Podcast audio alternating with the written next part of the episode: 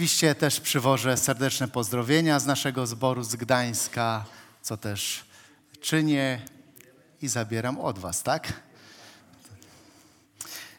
Dzisiejsze kazanie zatytułowałem 3W. Gdybym zadał Ci pytanie, z czym kojarzy Tobie się 3W? Wielu, szczególnie młodych ludzi, by odpowiedziało z domeną internetową. Nie, dzisiaj nie będzie o żadnej usłudze internetowej, ale będzie to na podstawie fragmentu Słowa Bożego, a mianowicie jest to taki skrót. Walka, wytrwałość i wolność. Dlatego też proszę, abyśmy otworzyli drugą księgę Mojżeszową, rozdział 17. Otwórzmy drugą księgę Mojżeszową, rozdział 17 i przeczytamy od ósmego wersetu. I naciągnęli Amalekici, aby walczyć z Izraelem w Refidim. Wtedy rzekł Mojżesz do Jozuego, wybierz nam mężów i wyrusz do boju z Amalekitami. Jutro ja z laską Bożą w ręku stanę na szczycie wzgórza. Jozue uczynił tak, jak mu rozkazał Mojżesz i wyruszył do boju z Amalekitami. A Mojżesz, Aaron i Chur weszli na szczyt wzgórza. Dopóki Mojżesz trzymał swoje ręce podniesione do góry, miał przewagę Izrael, a gdy opuszczał ręce, mieli przewagę Amalekici. Lecz ręce Mojżesza zdrętwiały. Wzięli więc kamień i podłożyli pod niego i usiadł na nim. Aaron zaś i Chur podpierali jego ręce, jeden z tej, drugi z tamtej strony. I tak ręce jego były stale podniesione aż do zachodu słońca. Tak pobił Jozue Amalekitów i ich lud ostrzem miecza. Wtedy rzekł Pan do Mojżesza, zapisz to dla pamięci w księdze i wbij to w głowę Jozuego, że całkowicie wymarzę pamięć o Amalekitach pod y, niebem. Potem zbudował Mojżesz ołtarz i nazwał go Pan sztandarem moim i rzekł, przyłóż rękę do sztandaru Pana, wojna jest między Panem a Amalekitami, z pokolenia w pokolenie. 3W. Mamy tutaj walkę, mamy tutaj wytrwałość i mamy tutaj wolność. Tą historię, którą czytamy, ta historia była niedługo po tym czasie, gdy Izrael wyszedł z Egiptu. To był czas, gdy w bardzo takim, można powiedzieć, yy, krótkim też okresie potężnie Pan Bóg działał. Izrael mógł oglądać cały czas działanie Boga w swoim życiu. Zostali wyprowadzeni potężną ręką, przemożną ręką z Izraela. Rozstąpiło się przed nimi Morze Czerwone. E, na pustyni byli zaopatrywani przez Boga w mannę, w przepiórki. Byli zaopatrywani również w wodę, tak, która wytrysnęła ze skały. I tutaj jest takie zdarzenie, a mianowicie w drodze do ziemi obiecanej. My też jesteśmy w drodze. Tylko, że nie do ziemi obiecanej, a do nieba, które jest też nam obiecane. W drodze do ziemi obiecanej czytamy, że zatrzymali się w Refidim. To jest miejsce, które można byłoby przetłumaczyć yy, jako pokłady, jako coś, co posiada potencjał. Którym miejscem jest dzisiaj dla e, Boga takim, które posiada potencjał, pokłady duchowe? Oczywiście zbór pański. Bowiem w zborze pańskim przejawiają się różnego rodzaju dary Ducha Świętego. I to miejsce zostało zaatakowane przez Amalekitów. Dlaczego to jest takie ważne? Kim był Amalek? Kim byli Amalekici? Gdybyśmy spojrzeli na Słowo Boże, a wiemy, że Słowo Boże tłumaczymy Słowem Bożym, to możemy wyczytać, że Amalekici byli potomkami Ezawa. Gdy otworzymy pierwszą księgę Mojżeszową, 36 rozdział, w wielu miejscach możemy na ten temat czytać, ale przeczytamy tylko jeden werset. To jest pierwsza księga Mojżeszowa, 36 rozdział i 12 werset, który potwierdza to, że Amalekici byli potomkami Ezawa. A Timna była nałożnicą Elifaza, syna Ezawa i urodziła Elifazowi Amaleka. To są potomkowie Ady, żony Ezawa. Dlaczego to jest takie ważne? Bo kim był Ezaf? Ezaf wiemy, że był bratem e, Jakuba, on był pierworodny. I co możemy w liście do Hebrajczyków, czyli w Nowym Testamencie, przeczytać o Ezawie? Gdy otworzymy list do Hebrajczyków, rozdział 12, 16 werset i zobaczymy też, co, kim był Ezaf.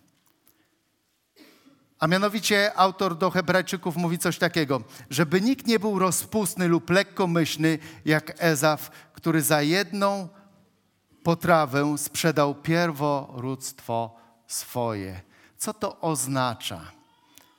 To oznacza, że Ezaf zrezygnował z czegoś, co otrzymał e, w łasce od Boga, a mianowicie był pierworodny i należało mu się całe dziedzictwo z tego powodu. Nie z powodu tego, że był Ezawem i zapracował na to, ale po prostu Bóg doprowadził do tego, że należało się jemu e, dziedzictwo, ale był lekkomyślny i on postawił swoje potrzeby ciała nad tym błogosławieństwem.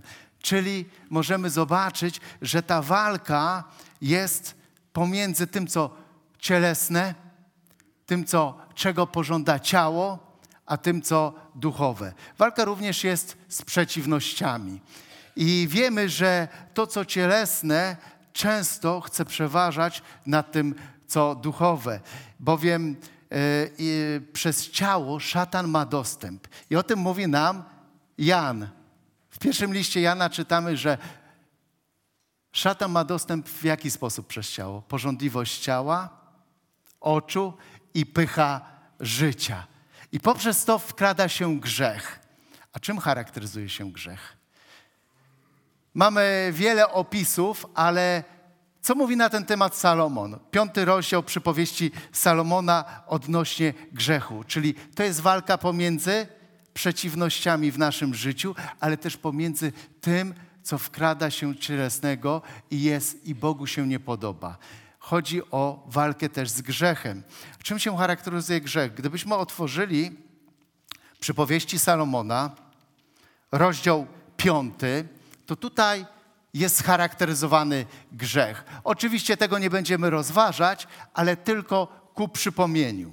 Otóż Salomon mówi coś takiego, a on wie, o czym mówi. On tego wszystkiego doświadczał i mógł zobaczyć. Synu mój, zwróć uwagę na moją mądrość, nakłoń ucha na moją roztropność, aby zachował mądre rady, aby Twoje wargi utrzymały rozwagę, gdyż wargi cudzej żony ociekają miodem i gładsze są niż oliwa jest jej podniebienie. Lecz w końcu jest gorzka jak piołun, ostra jak miecz obosieczny, jej nogi schodzą do śmierci, jej kroki zdążają do krainy umarłych abyś Ty nie wkroczył na ścieżkę życia, a że nie stałe są jej drogi, Ty tego nie wiesz. Teraz więc, synowie, słuchajcie mnie i nie oddalajcie się od moich słów. Daleko od niej chodź swoją drogą i nie zbliżaj się do drzwi jej domu, abyś nie musiał oddać innym swojej chwały, a, e, a człowiekowi okrutnemu swoich lat, aby obcy nie nasycili się Twoim mieniem, a ciężko zdobyty Twój dorobek nie dostał się do cudzego domu, abyś pod koniec życia nie narzekał, gdy zwiędnie Twoje ciało i Twoja skóra i nie musiał powiedzieć, o jakże mogłem nienawidzieć karność i moje serce lekceważyło przestrogę. I nie słuchałem moich wychowawców i nie nadstawiałem ucha moim nauczycielom. Tu mamy charakterystykę grzechu i możemy zobaczyć, że grzech przybiera atrakcyjną postać. On przybiera atrakcyjną postać, przybiera atrakcyjną formę. Możemy zobaczyć, że też bardzo dużo obiecuje. To wszystko jest w wersecie trzecim, tak? Jest pięknie, jest fajnie, daje perspektywę. Grzech daje perspektywę. Będzie naprawdę cudownie, tak? Obiecuje, zachęca, prowokuje i czytamy, że ubiera się w piękne szaty. Grzech jest pięknie opakowany. My tego nie musimy naprawdę sobie nie wiadomo jak wyobrażać. Pójdź do sklepu i co jest najpiękniej zapakowane? Jak spojrzysz na alkohole, to one są tak pięknie opakowane, tak, że to oko przyciąga. Tych rzeczy jest wiele. Spróbuj, zobacz, jest zachęta. Widzimy, że dalej, jakie jest prawdziwe e, oblicze grzechu. Jest gorzkie jak piołun. Grzech jest gorzki jak piołun. Co to oznacza? To oznacza, że wprowadza e, żal, smutek, zmartwienie, ale też piołun odurza. Piołun uzależnia. I dlatego też możemy zobaczyć, że grzech może naprawdę nasze życie i nasze myślenie odurzać. Nie mamy właściwego myślenia i dobrego myślenia. Dalej możemy zobaczyć to, co jest w, y, y, w szóstym wersecie, że grzech oszukuje. Często dajemy się oszukiwać przez szatana. Wiemy, że szatan jest ojcem kłamstwa, tak? On, a jeżeli jest ojcem kłamstwa, to jego naturą jest to, że oszukuje. I dlatego też poprzez grzech często nas, nas oszukuje. I zobaczmy, że Salomon o tym wszystkim mówi, ale nie tylko mówi i stwierdza, czym jest grzech. Dobrze jest powiedzieć. Gdy czytam Biblię, to zawsze widzę jedno, e, że Bóg mówi, stawia diagnozę, ale daje rozwiązanie.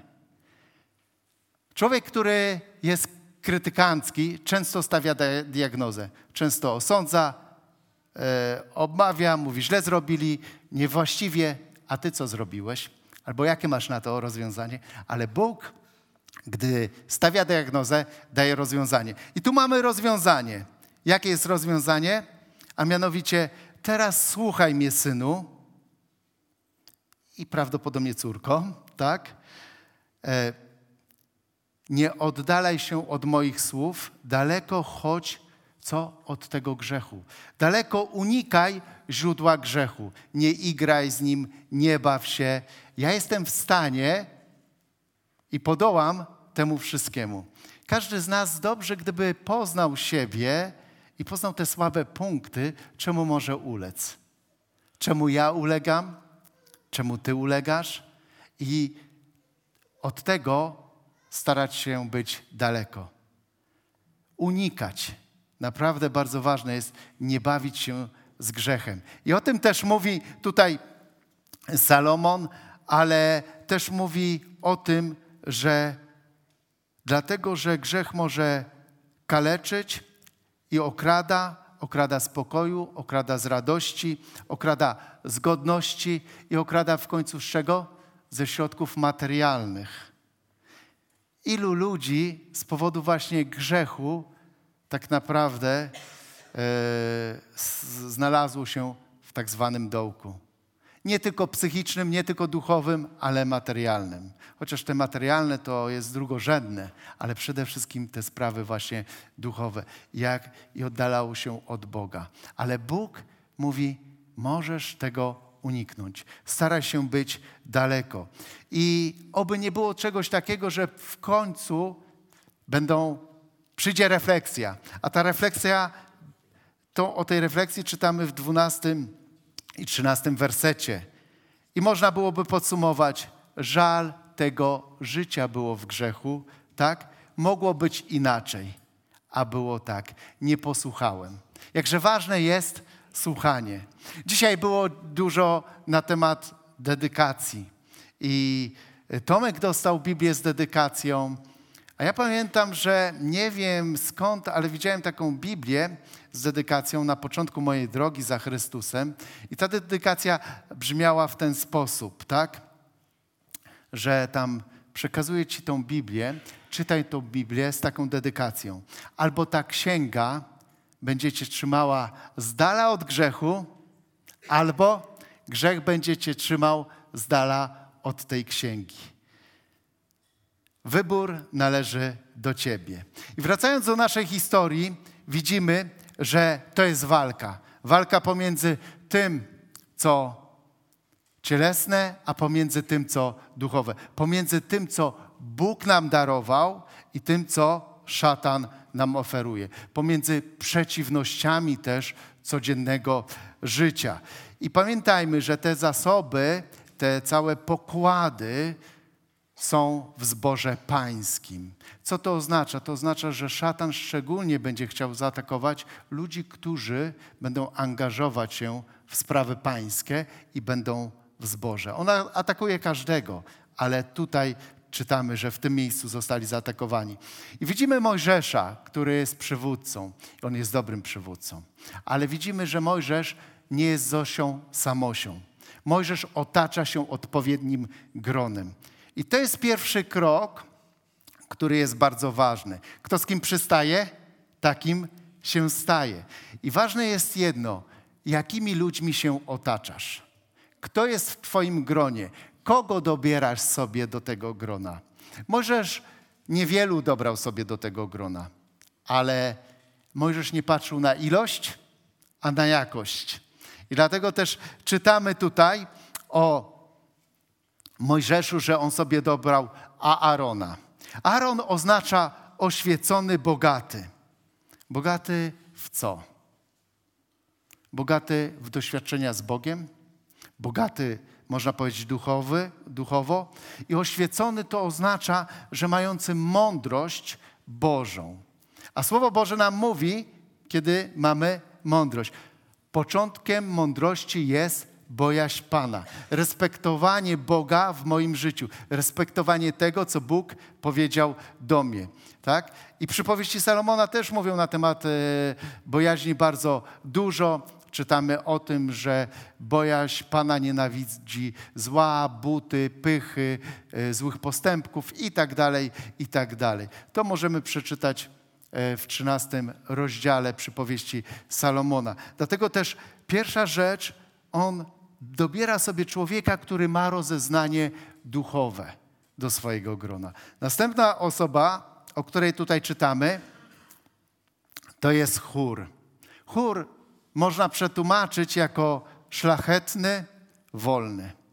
Bardzo ważne jest, aby w naszym gronie byli, byli ludzie szlachetni. Człowiek szlachetny to jest człowiek szczery, to jest człowiek oddany, ale człowiek szlachetny to jest bezinteresowny.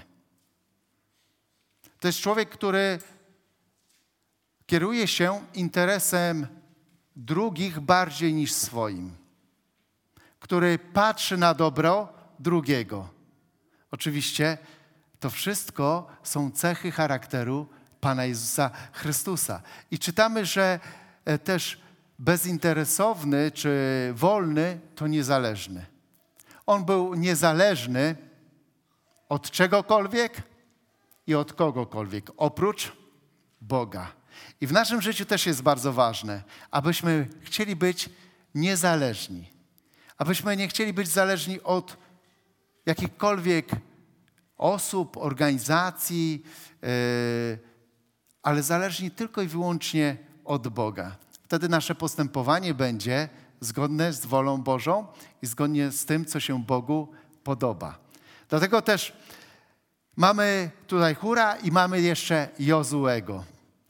I co możemy o Jozue przeczytać? A mianowicie on dostał miecz. Czytamy, że pobił Amalekitów ostrzem swego miecza. My wiemy, że dzisiaj też mieczem walczymy, ale nie tym fizycznym, a tym duchowym. Gdy otworzymy list do Efezjan, wszyscy to znacie, ale ku przypomnieniu, tak? Dobrze jest sobie przypominać, to czytamy coś takiego i ku wyjaśnieniu w liście do Filipian w szóstym rozdziale 17, szósty rozdział listu do Efezjan, 17 werset. Weźcie też przyłbicę zbawienia i miecz ducha, którym jest Słowo Boże. Czyli innymi słowy, Mojżesz dobiera sobie Jozuego, który co? Zna Słowo Boże i wie, jak się nim posługiwać. to Słowo Boże jest odpowiednio e, używane w jego życiu. I dlatego też co? Czym mamy walczyć? Słowem Bożym. Zatem grono, które sobie dobrał tutaj e, Jozue, e, przepraszam, Mojżesz, to możemy scharakteryzować, że to są ludzie mający rozeznanie duchowe, bogobojni, tak? E, którzy są zależni od Boga, którzy kierują się interesem drugich, myślą o drugich, wychodzą naprzeciw i którzy znają Słowo Boże i chcą według tego słowa postępować. I możemy zobaczyć, że w tym wszystkim Mojżesz wie, co czynić. Wie, że trzeba pójść bezpośrednio do walki, ale też pójść do tej walki duchowej. Udaje się na wzgórze. W, tych trudnych, w tej trudnej sytuacji nie udaje się sam. Udaje się za Aaronem i Chórem na to wzgórze, aby co? Aby się modlić. Wiemy, że ta cała walka, która się w naszym życiu odbywa, znajomość słowa jest bardzo ważna, ale nie tylko znajomość słowa, ale ona musi być wsparta modlitwą. I tutaj czytamy o właśnie Mojżeszu, że jest to wsparte wszystko modlitwą i że jest to niezbędne, tak? I gdy on się tak modli, ma uniesione ręce do góry, to jest oznaka właśnie, czy, czy wyraz, czy obraz modlitwy, woła do Pana, to co się dzieje? To Jozue przeważa. On, po, on walczy z Amalekitami i co? I, i jest taki, można zobaczyć, obraz zwycięstwa. Ale w pewnym momencie czytamy, że zdrętwiały mu ręce. I gdy Zdrętwiały ręce e, Mojże, Mojżeszowi, tak? Tam cała historia jest. I Jozue nie wie, co się dzieje, ale zaczyna przegrywać. Zobaczmy, ustała modlitwa i on w tym czasie z, zaczyna przegrywać. Jak ważne jest wsparcie modlitewne. Bowiem modlitwa co? Porusza ręce Boga. A Bóg wtedy daje zwycięstwo. I co się wtedy dzieje? Pierwsza bardzo ważna rzecz. Józef zwycięża. Przychodzi czas trudniejszy. Zaczyna przegrywać. Czy Jozue się wycofuje? Nie wycofuje się. Jakże ważna jest wytrwałość. On nie schodzi z pola walki. On dalej walczy. A Mojżesz się wycofuje? Mojżesz już nie może, ponieważ ciało jego jest mdłe jest już zmęczone. Dlatego też ważne są osoby, które są dookoła nas, które co? Wspierają. I on ma Hura i yy, Arona, którzy co? Od czego zaczynają? Od kamienia. Przynoszą mu kamień. A Mojżesz na tym kamieniu usiadł. Innymi słowy, odpoczął. My czytamy w liście do Hebrajczyków w czwartym rozdziale, że Odpoczynek jest w Chrystusie. To jest stan. I wiemy, że tym kamieniem węgielnym, którego odrzucili budowniczowie, jest Pan Jezus Chrystus. W liście do y, Efezjan 2:20 czytamy coś takiego. To jeden tylko z fragmentów.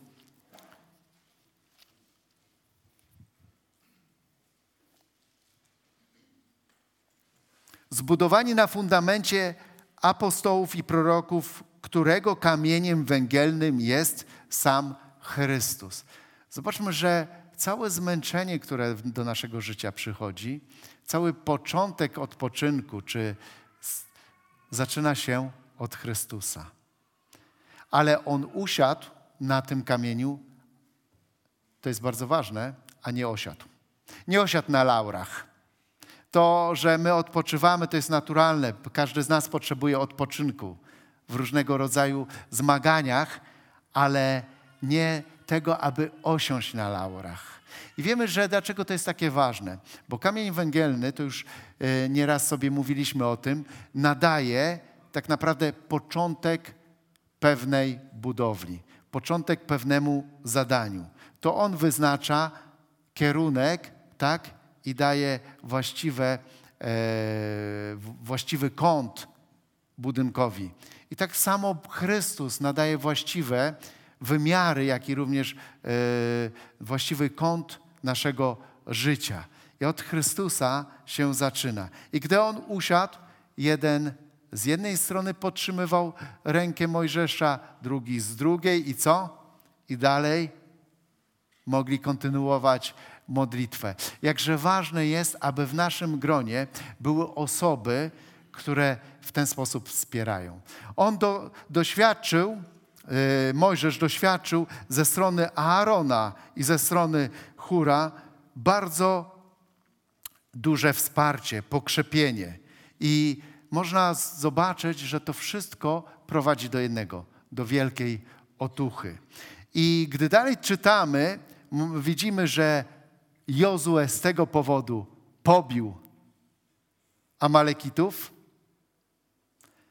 I następną rzeczą, którą możemy zobaczyć, gdy to się wszystko wydarzyło i gdy on pobił Amalekitów, czternasty werset mówi: Wtedy rzekł Pan do Mojżesza: Zapisz to dla pamięci w księdze i wbij to w głowę Jozuego.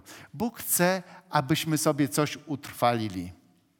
Co Bóg chce, abyśmy utrwalili sobie? Utrwal sobie jedno. Jestem Bogiem potężnym, jestem Bogiem, który ma moc, ale Bogiem, który jest żywym Bogiem, realnym i działającym Bogiem. Utrwal sobie to, to, że ja jestem tym, który ma zwycięstwo nad grzechem, nad tym, co cielesne.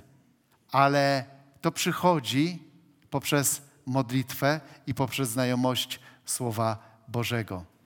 Bardzo ważne jest, abyśmy byli tymi, którzy pamiętają. Dlaczego łamiemy chleb i pijemy z kielicha pańskiego? Ponieważ jest napisane na pamiątkę. Czyli potrzebujemy cały czas przypominania sobie, że Bóg jest żywy, Bóg jest realny, a my wyszliśmy z Egiptu i teraz idziemy do, nie do ziemi obiecanej, a do nieba. I w, tym, w tej drodze możemy przeżywać różnego rodzaju ataki Amaleka, czyli przystępu szatana poprzez nasze ciało. I patrząc dalej na tą historię, gdy on mówił o tym utrwaleniu, co się, do czego to prowadzi, do czego prowadzi zwycięstwo. A mianowicie czytamy, że zbudował, prowadzi to do zbudowania ołtarza. Wiemy, że ołtarz to jest miejsce składania ofiar. Nie buduje się po to ołtarza, aby on sobie stał. Ołtarz to jest miejsce, gdzie tak naprawdę dochodzi do złożenia ofiary. I my dzisiaj też składamy taką ofiarę, wiemy o tym. W liście do Rzymian czytamy e, w dwunastym rozdziale pierwszy i drugi werset takie słowa. Apostoł Paweł mówi coś takiego. Apeluje do Rzymian. Wzywam was wtedy, bracia, przez miłosierdzie Boże, abyście składali ciała swoje jako ofiarę żywą. Ta ofiara nie jest martwa, jest żywa. Kiedyś była martwa, teraz jest żywa. Tak? Świętą, miłą Bogu, bo taka winna być duchowa służba wasza. A nie upodabniajcie się do tego świata, ale się przemieńcie przez odnowienie umysłu swego, abyście umieli rozróżnić, co jest wolą Bożą, co jest yy, wolą Bożą, co jest dobre, miłe i doskonałe. I zobaczmy, że to prowadzi do tego, że budujemy w naszym życiu ołtarz, aby składać ofiarę Bogu z nas, czyli powierzamy się Bogu do dyspozycji. Yy, nasze myślenie się zmienia, nasza perspektywa, nasze, patrzymy na wszelką sprawę poprzez pryzmat osoby Pana Jezusa Chrystusa. I dalej tutaj zachęca co, to, co czytamy. Yy, dalej czytamy coś takiego, gdy Mojżesz zbudował ten ołtarz, powiedział Pan sztandarem moim i rzekł, przyłóż rękę do sztandaru Pana, Wojna jest między Panem a Amalekitami, z pokolenia w pokolenie. Do czego przykładasz rękę? Tutaj jest zachęta do tego, aby przyłożyć rękę do sztandaru Pana. Dlaczego to jest takie ważne? Wiemy, że sztandar Pana, czy sztandar, to jest identyfikacja. Z kim i z czym się identyfikujesz? Do sprawy Bożej przykładam rękę, czy przykładam rękę nie do sprawy Bożej, do tego, co niszczy sprawę Bożą. Jakże ważne jest, aby przyłożyć rękę do sprawy Bożej. Czy moje życie, które jest na co dzień, pokazuje, że sztandarem moim jest Pan. Wiemy, że gdy była walka czy wojny trwały, były sztandary. I każdy wiedział, kto gdzie, a mój sztandar tam, biegnę tam, czy, czy dojeżdżam konno tam. Tak? I tak samo dzisiaj jest. Ale w Słowie Bożym jest ciekawa myśl odnośnie sztandaru Pana. I muszę Wam powiedzieć, że warto to zapamiętać. A mianowicie w, w pieśni nad pieśniami czytamy taką ciekawą myśl. E, w pierwszym rozdziale, e, przepraszam, w drugim rozdziale, czwarty werset. Otóż czytamy coś takiego. Wprowadził mnie do winiarni, której godłem dla mnie jest miłość. A dokładnie w Biblii Gdańskiej, a wiemy, że Biblia Gdańska jest wiernie przetłumaczona. E, niestety jest archaiczny język, tak? I dlatego też mamy dzisiaj tą Biblię warszawską. Czytamy coś takiego. Wprowadził mnie w dom wina, mając za sztandar czy za chorągiew miłość przeciwko mnie. To jest ciekawe. Co Bóg ma przeciwko Tobie? Miłość. Co ja mam przeciwko drugiemu? Zobaczmy, wprowadził mnie do domu wina. Co to oznacza? Bożym zamiarem jest prowadzić Ciebie do domu radości. Wiemy, że wino jest obrazem radości. Bóg chce, abyś w życiu przeżywał radość. Bóg chce, abyś doświadczał tego, że nawet jak upadasz, jak ci jest ciężko i przeżywasz różnego rodzaju przeciwności, to co Bóg ma przeciwko tobie, to ma jedno miłość.